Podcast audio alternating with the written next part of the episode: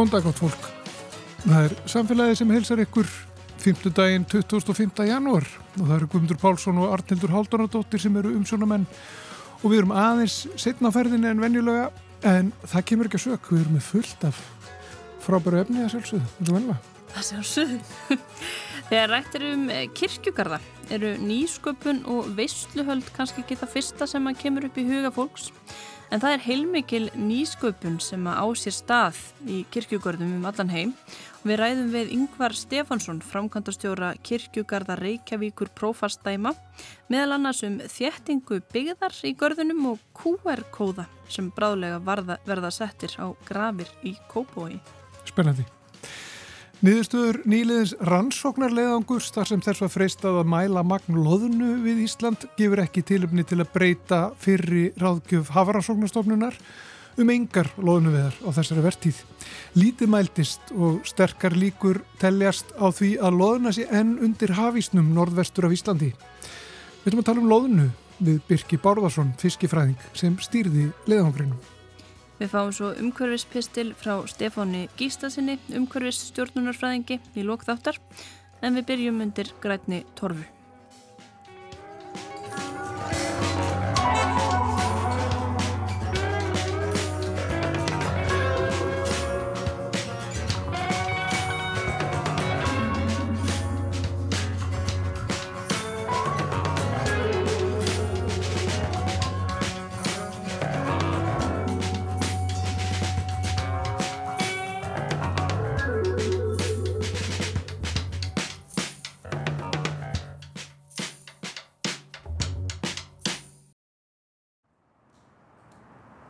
Það er komin hérna á skrifstofu Kirkjugarða Reykjavíkur prófaststæma og ég ætla að ræða við hann Yngvar Stefansson, framkvæmdastjóra Kirkjugarðana um framtíð þeirra. Hvernig verða Kirkjugarðar framtíðarinnar og er jáfnvel hægt að tala um einhvers konar nýsköpun í Kirkjugarðu?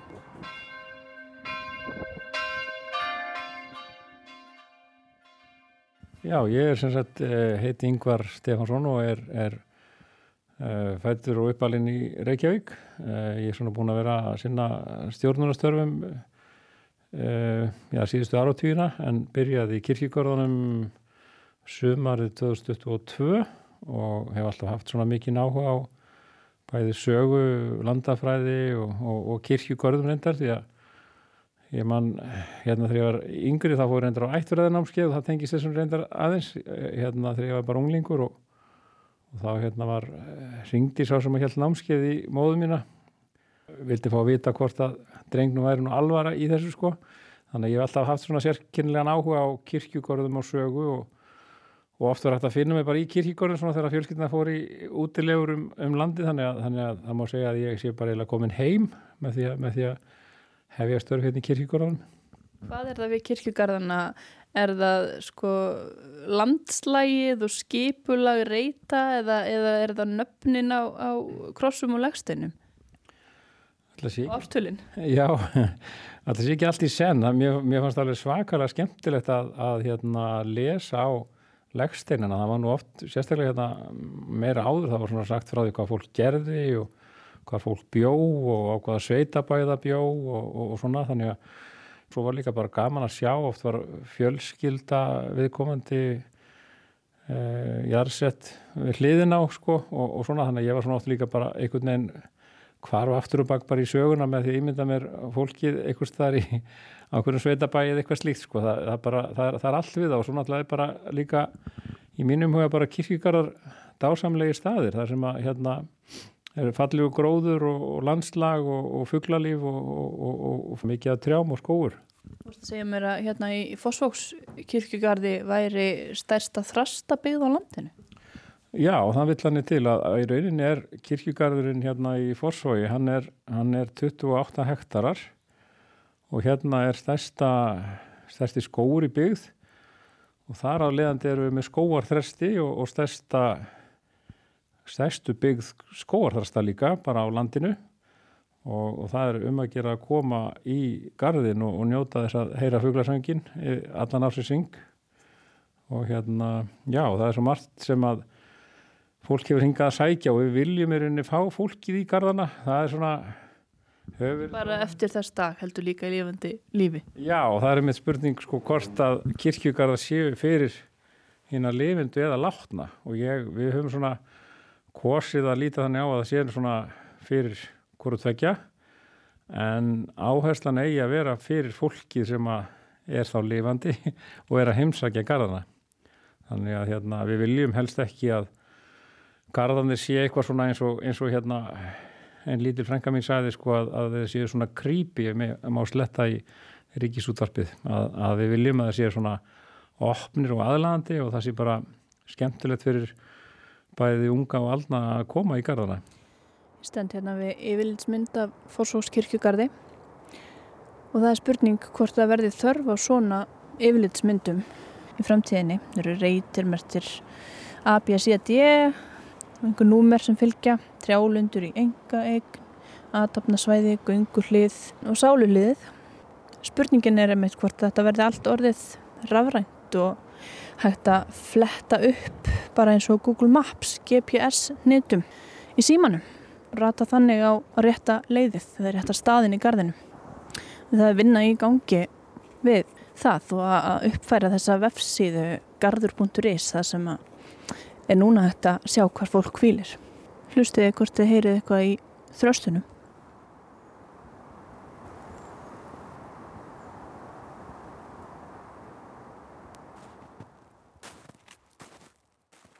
Sko nú ert þú nýlega að byrja í þessu starfi og með nýju fólki og koma oft svona nýjar uh, áherslur og, og þú hefur verið að kynna þér svona nýsköpun og hvað er efst á baui Erlendis, hvað er verið að gera nýtt í, í kirkjugörðum og þeir eru eitthvað að skoða einhverjar svona nýjungar hér, ekki satt? Jú, við, við fórum strax í það svona síðasta vetur að fórum í svona stefnumbúnduna vinnu og heldum margar vinnustofur bæði með starfsfólki og öllum svona hagaðalum.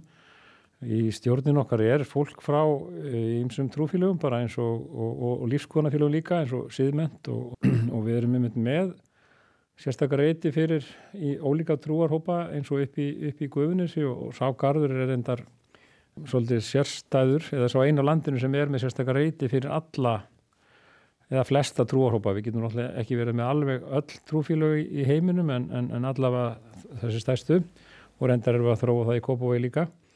En það eru svona ímsar nýjungar sem við höfum verið að skoða og, og erum byrjuð á.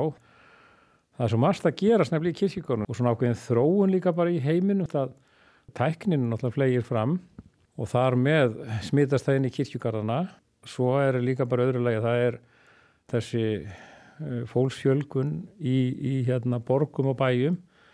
Þannig að land svona fyrir að vera takmarkaðri auðurlind og svo er líka... Það er alltaf verið vandamál hérna, er það ekki?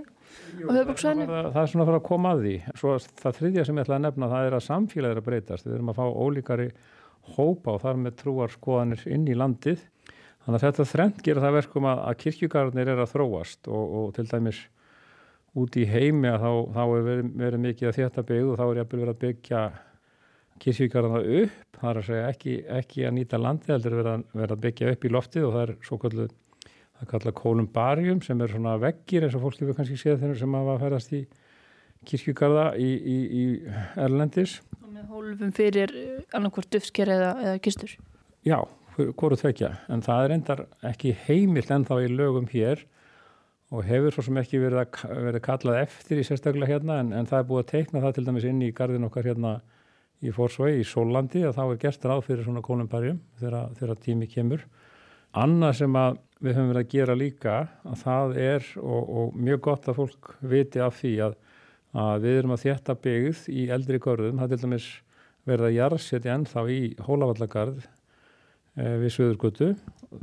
Tala um þétta byggð þá ert að tala um í rauninni uh, þéttari gravreitir eða, já, gravir. Já, já og það, það sem ég ætla að segja, það er, það er nefnilega hægt að setja að því nú er það svo algengt að, að bálfur algengt og hérna á höfðborgarsæðin er það að verða 60% að það var hægt að setja duftker í eldri kistugrafir og það er alveg hægt að setja alveg upp í já, átta duftker, ég er að setja átta duftker í eina kistugröf og það er verið að gera það til dæmis í hólavallagarðu það er svo skemmtilegt að það fáum við líka líf í gardin, það er einhver sem kemur í, í, í gardin oftar og heldur við leiðum og, og, og, og svona, það er bara svolítið skemmtilegt að þýleiti Þróunin er annars kannski svolítið svo að þegar að grafinnar eru orðnar ákveði gamlar þá eru fáir á lífi sem þekktu til fólksins sem þar kvilir. Já, akkurat, þannig að þá eru við endur nýta og lengja líftíma grafana. Það er, sko, gravarhelgin á Íslandi er 75 ára, ef maður rétt, eh, Erlendis viðast hverjins og á Norðurlandum er gravarhelgin bara í 20 ár. Þannig að það er ofinni langt hérna á Íslandi og það kannski helgast líka því að niðurbróttíminn eða jarðvegurinn hérna, hann er þannig að við, það brotnar setna þar að líkin. En já og svo er náttúrulega tvent annað í þessu vegna þess að við erum náttúrulega, eða kirkjugarðarnir eru svona fyrirferða miklir landlega séð eins og hérna uh, til dæmis Fossósgarður sem er í miðri borg að hann er eitthvað um 28 hektarar.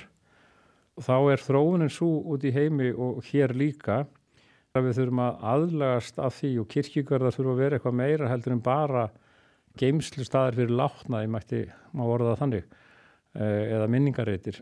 þannig að hérna við erum að þróast í þá átt, eh, þetta er hluti af útvistar svæði fólksinn sem að býr í borginni og það er eitthvað sem við viljum. Það er til dæmis var harð bannað að vera með hunda í, í, í görðum eða gælutýr.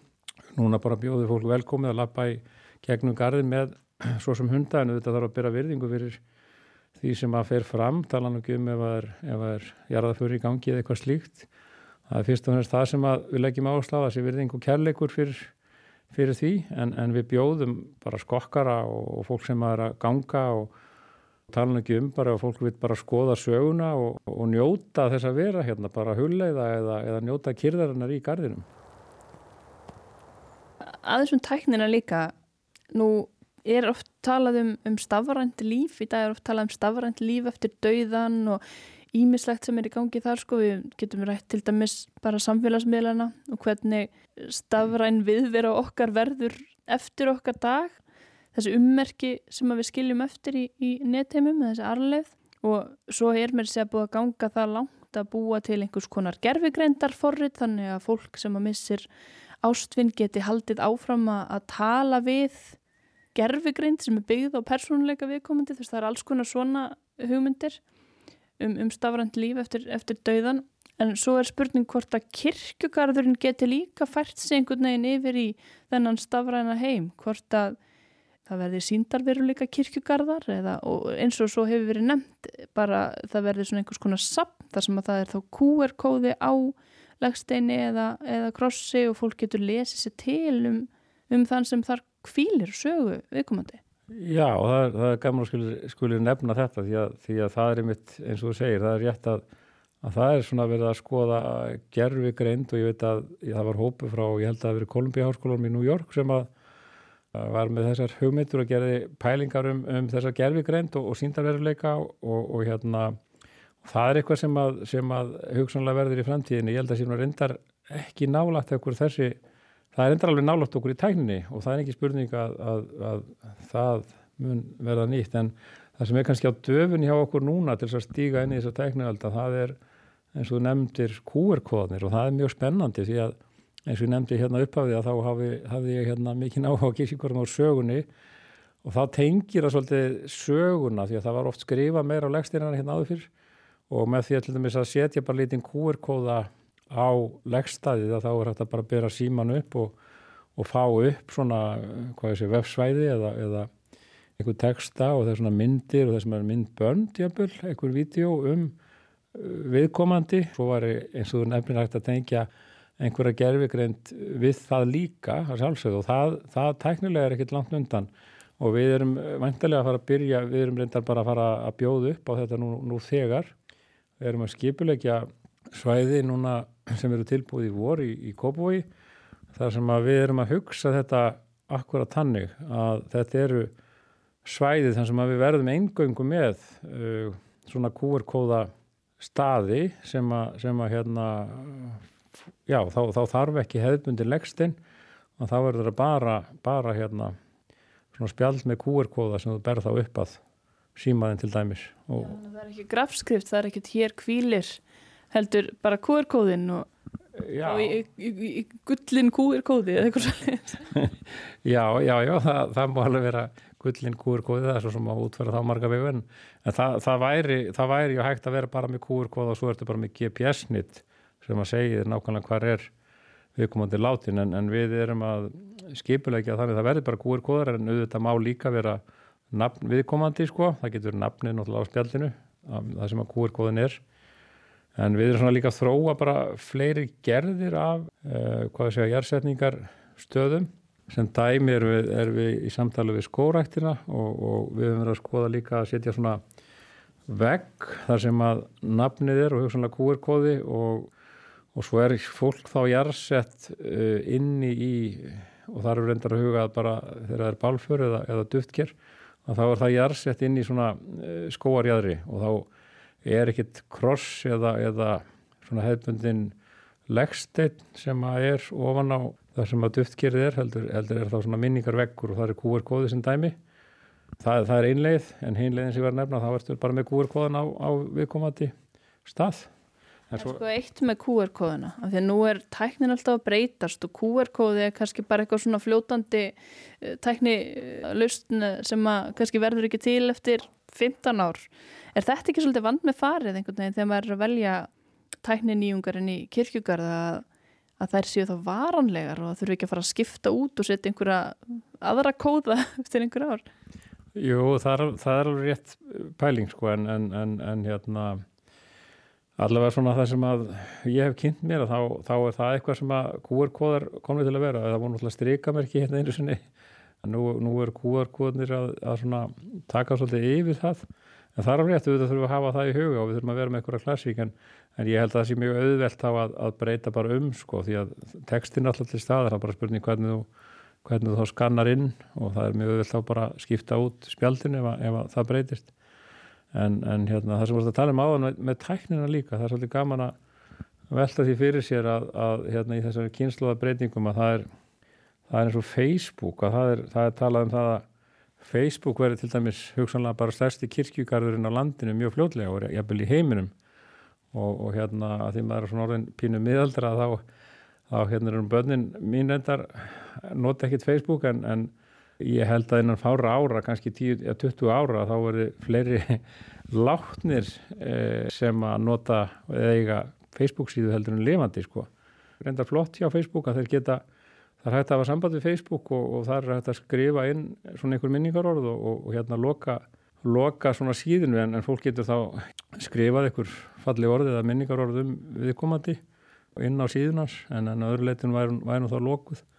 Það hérna er, eru margir sem eru látnir sem að eiga sína Facebook síðu áfram og lifa þannig eins og segir í, í hérna lifir áfram í nettheimum sko.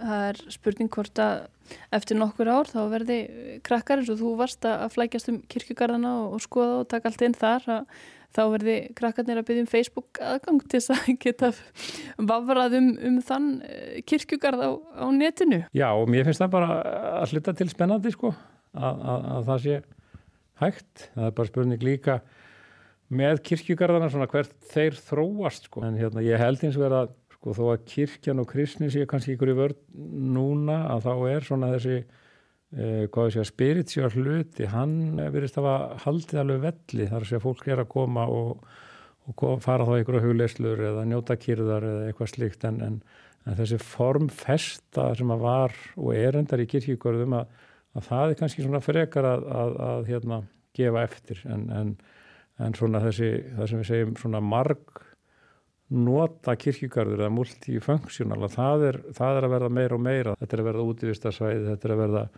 hlutarsamfélaginu hvort sem að það verður brúðkaup eða, eða eitthvað annað sem að verður í, í kirkjugarðum þannig, þannig að við erum fara að nýta okkur miklu meira kirkjugarðuna og samfélag, þetta er miklu nær samfélaginu heldur en var kannski áður og mun þróast miklu meira í, í þá átt líka.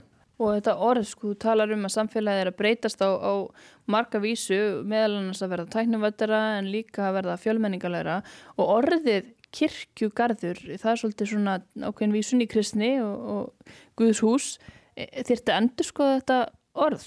Já, kannski, kannski ekki. Við höfum veldið mikið fyrir okkur uh, og við höfum skoðað þetta orð líka aðeins kirkja var ekkert endilega bara vísun í Guðshús þó að svo í daglegu tali að þá vísum við í það. Það er svona, eh, ég las einhvers staðar að upphálega hafi orðið kirkja eða tjörs verið, verið svona það sem að það er sem að fólk kom saman til að útkljá pólitísk mál. En það er einhver aðri fræðimenn sem að kunna kannski betri skila því. En það er alveg rétt að, að auðvitað má velta fyrir sér því hvort að þetta er að heita kirkjugarður. Uh, það má líka kalla þetta minningareitir sem að held kannski meira rétt nefni en, en hins vegar þá, þá er það þannig að meiri hluti þjóðarinnar er kristin og við byggjum okkar samfélag á kristinum gildum og svo framvegis og, og þetta orð þar leðandi er í íslenskri tung og það er í lögum. Þannig að það er það orð sem við notum af því það er, það er líka notað í lögum. Þú varst nú að fjallum þetta hérna, er með nokkura glærur hérna fyrir fram að þig. Og það er meðal annars fjallað um ólík viðhorf eh, til kirkjugarða og svona þess hvað má í kirkjugörðum og hvað er eðlilegt að kirkjugarðar standi fyrir og það eru skipta skoðanir um það, bara meðal fólks og, og milli hópa, ekki sagt, sumið finnst til dæmis alltaf lægi að halda brúðköpsvislu í kirkjugarði eða fara í piknik, en öðrum finnst það bara mesta, mesta synd. Já, það, það er skemmtilegt að minnast að þetta því að það, það er einmitt svona að því samfélagi er að breytast og það er að vera kynsluðar skipti og svo framvegs og og svo náttúrulega þróun erlendis líka. Ég hef svona verið að kynna mér þessar hluti og meðal hans lesið hérna rannsóknir og doktorsritgerður þessu sviði því að það er heilmikið að, að hérna þróun í, í, í þessa veru. Sko sömum finnst uh, þetta bara að vera algjörlega heilagt og helst þetta ekki vera með neinn neinn læti eða, eða börninni helst ekki að leika sér eða það má ekki lappa á gröfuna og svo framvegs það er svona eitt sjónamið uh, og kannski var svona þetta hefðbunda sjónamið en en svo er annað sjónamið sem er bara eins og, eins og ég, ég vittni nú bara í það sem eitt sagði að það, það hérna, mér er bara mjög gott ef einhver er að leika sér við hliðan og ömmu og afa vegna þess að þau hafði indega börnum og þeim finnst bara æðislegt að, að einhver sé að leika sér og ég vil bara setja upp leikvöll við hliðan á gröfunum en, en, en þetta með brúðkaup og, og slíka viðbyrða það er eitthvað sem við þurftum að skoða og auðvitað þarf að skoða það líka bara til, til, til aldursgarðarna, það er svona aðeins öðruvísi þegar að vera að jarðsetja og, og yngri garðar eldur en eldri. Það er fordæmi fyrir þessu eins og í, í Danmörku að fólk hafi haldið eh, brúðkaup í, í kirkjökaru? Já, já, já, alveg víða Erlendis þá, þá eru bara viðbörður eins og brúðkaup og, og hérna tónleikar, það eru, það eru hérna svona hlaup, borgarhlaup sem að fara í gegnum gardana og, og svo framvís. Well, it may seem unusual to hold your wedding ceremony in a cemetery, but this bride wouldn't have it any other way. Many of the couple's family members are buried in that cemetery, and they wanted to be near her grandfather on this special day. He would always tell me, Mija, when you get married, I'm going to walk you down the aisle.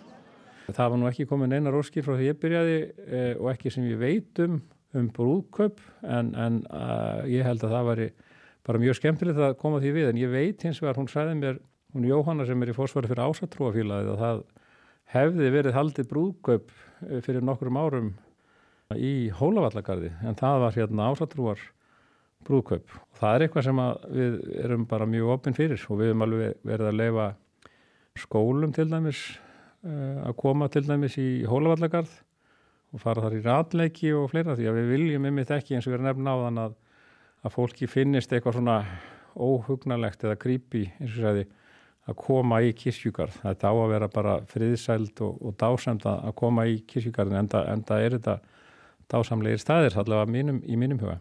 Áhugavert að ræða þetta og þú eru búin að opna auðu margra og svona vika út hugmyndir fólks um, um kirkjugarða Ég held samt að ég muni ekki geta stíði til dæmis á, á grafir, sko, þess að það er eitthvað sem mann var að kenda mætti bara alls ekki. En, en hugmyndina breytast og, og höfðunar og, og allt. Eh, eitthvað sem þú vilt segja lókum um, um kirkjugarna? Nei, mér langar bara að, að hérna, nota tækifærið og, og bjóða bara fólk velkomið í kirkjugarna og um að gera að koma oftar heldur en bara á jólum og eins líka bara vil ég minna á það að, að kirkjugarðir eru fyrir alla og við erum hérna með, eins og ég nefndi, eh, sérstaklega grafreiti fyrir ólíkt trúabröð þannig að það er, það er eitthvað sem að fólk þarf að vita af og, og, og líka reyndar erum við með er sérstaklega reit fyrir þá sem er á mótöðlum trúabröðum og vilja bara alls ekki vera kvíla í, í helguðum reit eða Óvíðan reit bara. Óvíðan reit, já, akkurat óvíðan reit. Og það, það er til dæmis í guðvinnesi en þann er þetta mjög lítið nótaður Gott að vita á hann Takk fyrir spjallið, yngvar Takk sem leis Hér er fjöldi legsteina, flestir alveg eins. Þetta er reytur fyrir hermenn sem að létust á stríðstárunum á breskum hersjúkrahúsum, flestir. Og hver veit, nema í náinni framtíð, þá verði hægt að lesa sér meira til um þessa menn ef að vera komnir QR-kóðar á steinana.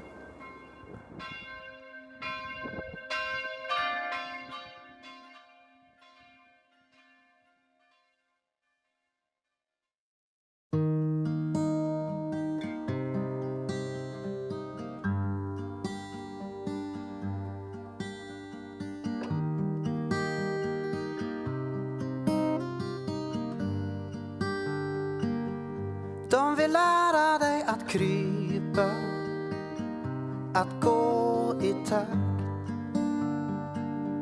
De vill lära dig marschera, att stå i vakt. Stå på rad och klappa händer, för sakens bästa hålla med. Lära dig hur vinden vänder för sakens bästa gå på lek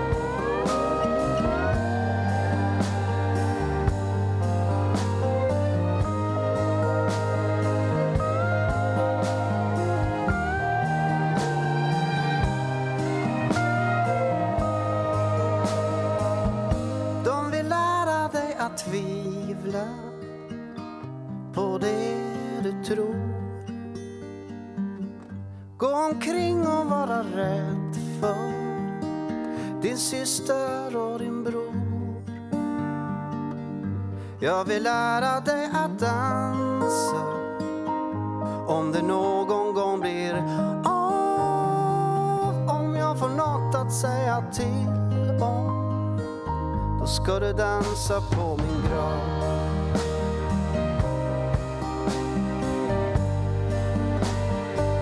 Då ska du dansa på min grav.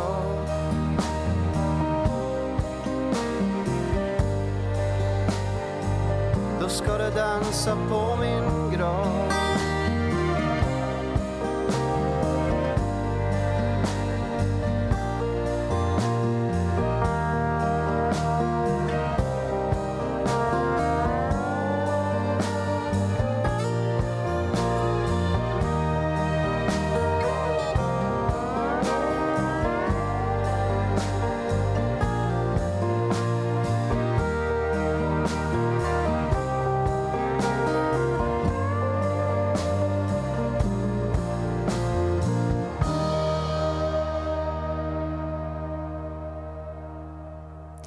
Þetta var Bú Kaspers Orkester með lagi Dansa på mín graf eða Dansaðu á gröfinni minni. Veit ekki hvort að það er viðjandi en nú um það, áfram með samfélagið. Ég er komin á Hafrannsóknarstofnun í Hafnarfriði og hérna hjá mér er Birgir Bárðarsson, fiskifræðingur og hvað langar að tala við þig, Birgir, um loðnu vegna þess að núna fyrir stuttu lauk eh, leiðangri, þar sem þú varst leiðangurstjóri eh, þar sem hann verið að- mæla loðnu. Og niðurstaðan eh, er ekkert beint til að hrópa húra fyrir eða hvað, það, það fannst lítið loðna og það er ekki nægilega mikið sem að mældist eh, svo að vera hægt að, að veita ráðgjöf um uh, veiðar og loðnu eins og, eins og staðan er. Já, jú, það er rétt. Það var ekki mikið af henni, sáum ekkert af henni fyrir austanlandið.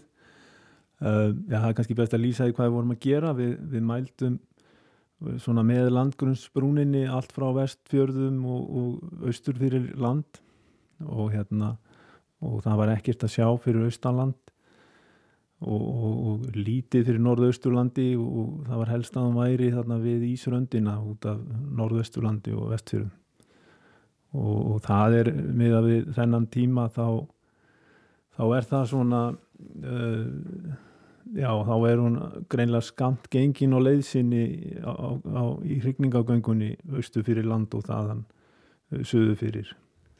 Og ef hún er þarna, hún finnst þarna helst þarna við Ísröndina, það bendir til þess að hún sé undir Ísnum eða hvað? Já, það sko uh, við, við mældum uh, þennan stofn uh, síðasta haust og þá vorum við að mæla já, 324 tonn.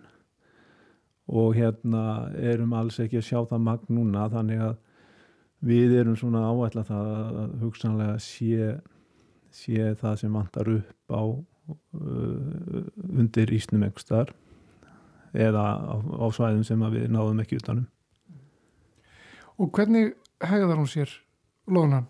Þetta er alltaf sami heldingaleikurinn einhvern veginn, fyrst manni ár eftir ár uh, hún er á leiðinni uh, til að regna eða hvað. Og þá þegar hún er gripin hér í Íslenski landhelgi. Já það er rétt, hún, hún uppvakstarsvæðin og fæðuslóðin er á hafsvæðunum hérna uh, milli Íslands og Grænlands og á grænlenska landgrunninu. Uh, já allt norðu fyrir Skorisbí og hérna og svo gengur hún uh, þaðan til hrigningar sem að á sér aðalega stað fyrir Suðurlandi og Vesturlandi hérna við Ísland. Og, og hérna þannig að hún hefur langa leið að fara. Og um, það er ekki þetta er mikið spurning um tímasetningu og, og, og staðsetningar og veður og dreifingu hafís hvernig við komum staðinni til að geta mælt magni En hún er þarna. Hún, hún er alltaf þarna eða hvað, hún, hún fer ekki bara framhjá Nei, það, hún þarf sín tíma í að komast þessa leið þannig að, að eins og ég segi þetta er mikið til spurningum tímasetningu hjá okkur að, að við þurfum að hitta á hana á réttum tíma svo að við, við náum henni þar sem hún er, já, ef maður segja sínileg fyrir okkur, hún sé ekki undir ís og, og sé á svæðum sem að er, er, er gott að mæla hana með bergmálsmælingum eins og við notum. Þessi stofni er hann mjög breytilegur er þetta stopp sem er bara eitt árið getur að vera mjög stór og, og næsta ár getur að vera bara lítill og svo lítill að það borgar sér ekki veður honum. Já, lífsferillin hjá loninni er þannig að, að, að hún hrygnir þegar hún er þryggja ára og drefst síðan eh, svo gott sem öll eh, að lokinni hrygningu. Þannig að, að hérna, það er bara svona einn árgangur sem er upp í staðan í, í eh, veiðistofninum og, og þessari hrygningu á hverju ári þannig að það, það þýðir að það getur orðið mjög mikla sveiflur. Það þarf bara uh, það sem við köllum nýluðuna brest í þessum eina árgangi til að, að, að veiðistofnin sé uh, já, sungi niður og, og, og hérna, þetta veldur miklum sveiflum í svona árlega í, í hvað við getum verið að, að sjá. Eftir hverju er menna að sækjast þannig? Það eru, hún drefst eftir hrigningu, ekki satt? Þess vegna er mikilvægt að ná henni áður og hvað, hvað er menna að svo að, að, að selja eftir að uh, lónur er náð? Já, er, þetta, eru, þetta, eru, þetta eru oft mikið magn sem er á ferðinu og, og mikil verðmæti. Það er uh, svona í byrjun veiða loðinu hérna á Íslandi þá fór þetta allt saman í bræðslu sem að þýðir að það fer í mjöl og lísi en uh, það, í síðari ár þá er mun meira hlutvall sem fer til manneldis og, og, og það er þá verið að vinna hróknin frá henni og, og fristana heilfristana líka á, ímsamarkaði og það, þannig er hún orðin mun verðmætari er mér sagt heldur en, heldur en bræðslulóðnan þó að vissulega séu talsveð verðmæti þar líka.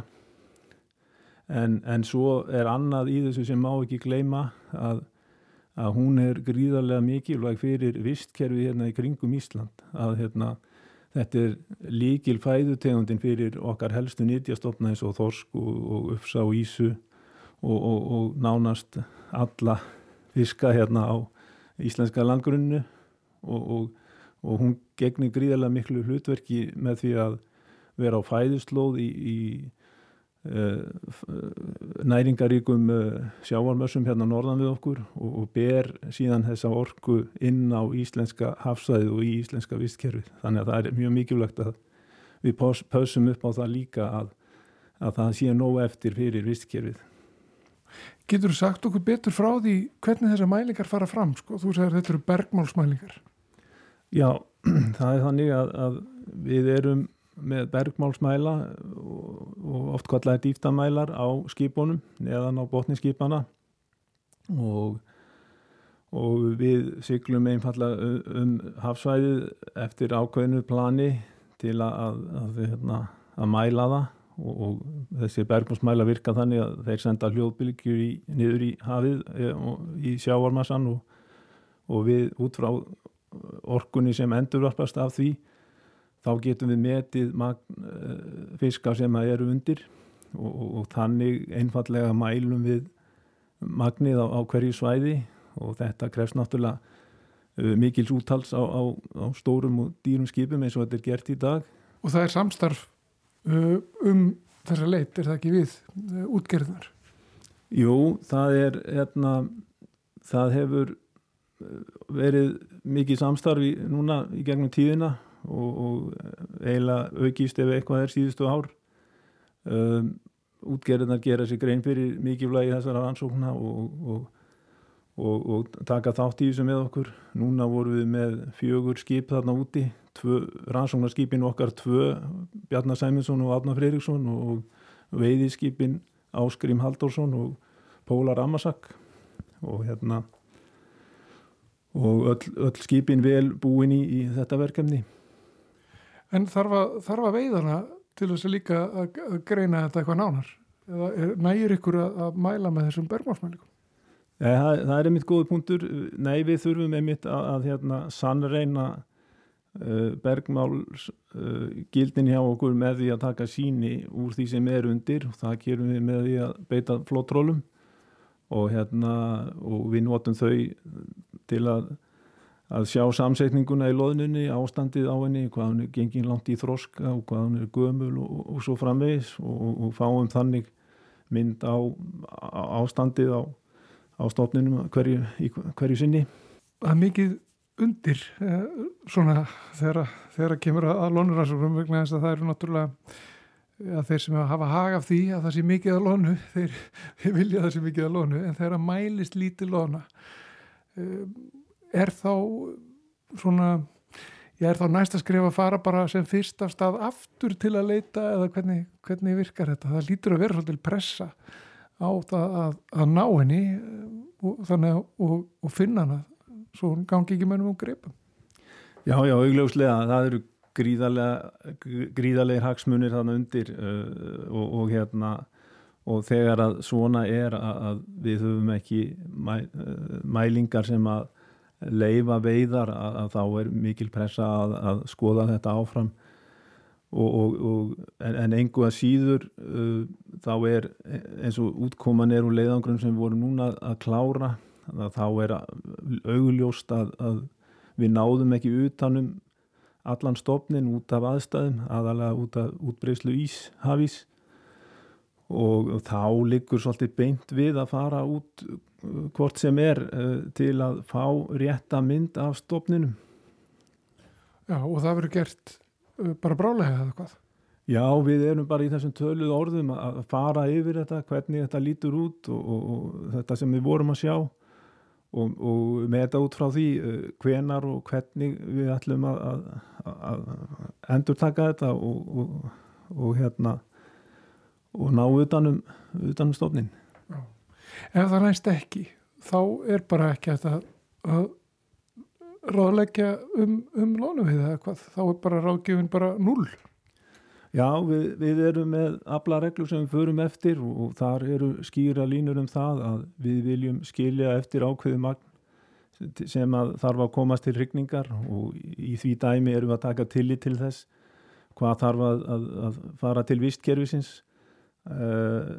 sem fæða og hérna og það er alveg skýrt að ef að þau markmið nást ekki ef við förum ekki umfram uh, það magn uh, í okkar mælingum þá getum við ekki mælt með veiðum. Það er, það er alveg líki latri í, í, í þessu að, að þar veiðar sem við erum að stunda séu sjálfbærar og, og, og, og við, við fylgjum því alveg skýrt eftir.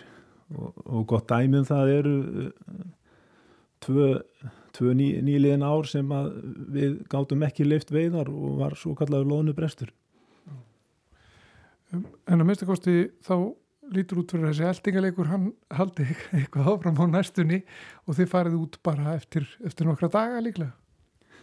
Já, ég hugsa það. Ég, það er einmitt spurningin, spurning dagsins er aðalega hvenar við munum fara á stað og, og það verður einhver tíman á næstunni eftir því bara hvernig við lesum í þetta uh, við svona viljum sjá að það sé orðin ákveðin frammynda í göngunni á lónunni og, og hugsanlega í dreifingun og ísnum þannig að spurningin er hvenar það við teljum álitlegt að fara aftur hvað það var þar Kanski bara einn spurning í lókin hefur þú borðað lónu sjálfur, hefur þú smakað hana? já, það er góð spurning. Já, ég hef, ég hef borðað lónu hef, við prófum einhvern tíman að elda þetta um borði í rannsóknarskipinu Átna Frýriks og svo einu sinni þegar við vorum strandaglópar í, við Grænland í Skoresby þá hérna, fórum við í Þorp þar og, og já, ég held ég með að segja í, í einhvers konar kaufilagi þar, þar keipti ég þurkaða lónu Og var það góð? Nei, ekkert sérstaklega ekki svo þurkaðar sko.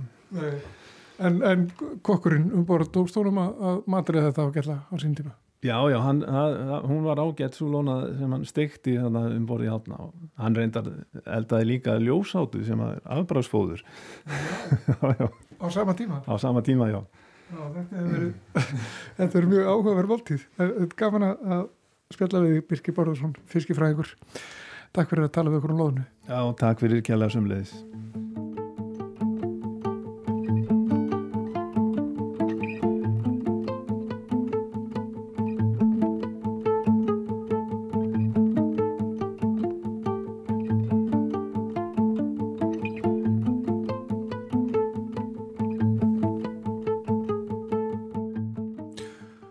næst komið að umhverjuspísli. Það er Stefán Gíslason sem tekur við. Eitt af því sem tefur það sem flestir hljóta að telja vera nöðsynlegar aðgerir í lostasmálum og umhverjusmálum almennt eru vangaveltur um það hver beri mesta ábyrð, hver sé líklegust til að finna bestu lausnina og hver er að taka frumkvæði. Og það er auðvitað bara mannlegt að hvert okkar um sig haldi aðeins að sér höndum þanga til þau sem við teljum að beri mest ábyrð gera eitthvað í sínum álum eða þau sem eru snjöllust að finna lausnir komi fram með þær og auðveldu okkur lífið eða þau sem eiga að taka frum hvað okkar mati geri það. Gallin er bara sá að meðan við öll býðum eftir að hinn ger eitthvað í málinu heldur ástandi áfram að vesna. Losum gróðurhús og loftegunda heldur áfram að aukast, lífræðileg fjölbreytni heldur áfram að minga, sjórin heldur áfram að súrna Aukar í veðurfari hald áfram að ágerast og þeim sem flýja uppskerubrest og hörmungar heldur áfram að fjölga. Í stuttumáli heldur Róm áfram að brenna á meðan við spilum á fyrlu. Innfalla vegna þess að það eru öruglega einhverjir aðrir en við sem eiga að slökka eldin. Stóra spurningin í þessu samhengi er hver á að gera það? Varla getur verið að indriði eigi að gera það svo vitna sér íslenskar heimsbókmentir. Í þessum pistli ætla ég ekki að velta lengi vöngum yfir því hvort ég eða einhverjir aðrir einstaklingar á þessari jörð, indriði þar með talin, beri mesta ábyrð eða eigi að taka frumkvæðið. Sjálfsagt eigum við indriði aðeins meir ekki að söka á því en meðal jarðarbúin hvernig staðin er orðin, en einhvern veginn verðum við samt öll að taka á okkur einhvern hlut af byrðunum. Spurningin er bara hver er ég þá að byrja? Í stað þess að einblýna á persónlega ábyrð mína, indriða og meðal jarðarbúans á því að slökka þennan eld í róm er líklega gagleira velta fyrir sér hverja séu stóruleikendurnir á þessu leiksviði. Við getum skilgreynt þá með ýmsu móti en ein einföld leið til að flokka þá er að tala um þrenninguna, almenning, atvinnulífið og stjórnvöld. Talið í stafrásröð. Spurningin þá orðin svo hvert þeirra þryggja. Almenningur, atvinnulífið eða stjórnvöld eigi að taka frumkvæðið, draga vagnin, stýra buninni eða hvaða líkingu sem við annars kjósum að nota. Frá því að ég byrjaði að hafa umhverjismálað aðalstarfi fyrir rúmum aldarfjörðingi hefur verið sagt við mig, svona um það byrja 18.000 sinnum, að þetta snúist allt um vitundarvakningu. Alminningu þurfi fræðslu og þurfi að vakna til vitundar um mikilvægi þess að nota fjölnota innkaupapoka, skóla mjölkurferðnur, minga matarsóun, brenna minna bensíni og fækka utalansferðum. Ég tel mér reynd að geta staðfest að þessi vitund er löngu vöknuð. Allavega hjá flestum sem ég veit einhver deili á. Hins vegar hefur hegðun þessa sama fólks ekki breyst að sama skapi. Af hverju ætti líka einhver einn indriði úr þessum hópi að taka fyrsta skrefið, til dæmis með því að neyta sér um eina ferð til tenni á sama tíma og allir vinnir hans fara enn fleiri ferðir til tenni á þessu áriðinni fyrra. Ég held sem sagt að þessi aldarfjórðungur sem ég myndist á áðan hafi meira en duga mér til að komast að þeirri niðurstöðu að almenningu muni ekki slökka eldin í róm einn og sér, jafnvel þá að hann gerir sér fulla grein fyrir mikilvægi þess. Þar þurfum við eitthvað fleira að koma til. Frá því að ég byrjaði að hafa umhverjasmála aðalstarfi fyrir rúma aldarfjörðingi hef ég líka oft teirt talað um að atvinnulífi sé líklegast til að finna bestu lustinnar. Þar gildi nefnilega lögmálmarkaðurins sem tryggi að til lengri tíma liti munu atvinnulífið alltaf finna bestu leðirnar. Þessu til stuðnis er gert að vísaði einhverja hagfræðikenningar sem lítið þýði fyrir einhverja umhverjusfræðinga mótmæla. Jafnvel þóttir hafi haft umhverjusmálað aðalstarfi rúman aldarfjörðung. Tilfelli er hins vegar að ef við opnum hagfræðabókina aðeins betur og flettum jafnvel yfir í næsta kapla á eftir kaplanum með lögmál markaðarins, þá blasir allt í hennu við okkur að lofslagsvandin er einmitt dæmum vanda sem frá hagfræðilegu sjónamiður ekki hægt að leysa með þessum hefðbundnustu lögmálu markaðarins einum saman. Í kaplanum næst á eftir kaplanum um lögmál markaðarins er nefnilega kaplinum markasprest og harmleik almenningana sem er til skýringar íslensk þýðing á enska hagfræði hugtækinu Tragedy of the Commons. Harmleikur almenningana er í stuttumáli ástand þar sem einn aðil á markaði getur aukið hagnasinn þrátt fyrir að það hafi förmið sér minni hagnað fyrir alla. Þetta ástand er ofta skýrt með dæmisögu að beitarhólfi fyrir kýr sem allir kúabændur á svæðinu meg að nota. Þegar hólfið er orðið full nýtt tapa allir kúabændunir ef nýr kúabóndi bætir einni kú við í hólfið. En nýju kúabóndin græðir allavega til skamstíma. Þarna þarf sem sagt utan að koma til yngripp til að afstýra því að beitarhólfi eidilegist endanlega. Þetta yngripp gæti til dæmis falist í einhvers konar kvóta sem miðast við þann hildarfjölda kúa sem hólfið þólir eða í einhvers konar beitarskatti sem er nógu hár til að nógu fáir kúabændur kjósa beita kúnum sínum og grasi í þessu hólfi. Þennan skatt væri til dæmis annarkort hægt að leggja beint á viðkomandi bændur eða á mjölkina sem þeir selja. Harmleikur almenningana er nefnilega ástand þar sem hnygnur beitarhólsins endur speglast ekki í verði mjölkurinnar úr kúnum sem er hlut ega. Þarna sem satt markasprestur á ferðinni. Ef lögmál markarins á að virka þarf mjölkinur og hólfinu að vera nógu dýr til að nógu fáir kaupana til að nógu fáir bændur sjáu sér hag í að beita kúnum sínum í hólfið. Engum einum af þessum bændum myndi vantanlega dett í hug að verðleggja sig út af markanum af eigin frumkvæði á meðan hinn í bændunum halda áfram að græða. Lofslagsvandin er skólabókardæmi um harmleik almenningana. Þess vegna er það ekki valkostu fyrir stjórnvöld að treysta á að atunulífið finni lustnundar hjálpa laust, hvort sem atunulífið heitir kúabundi, ólíufélag eða álver.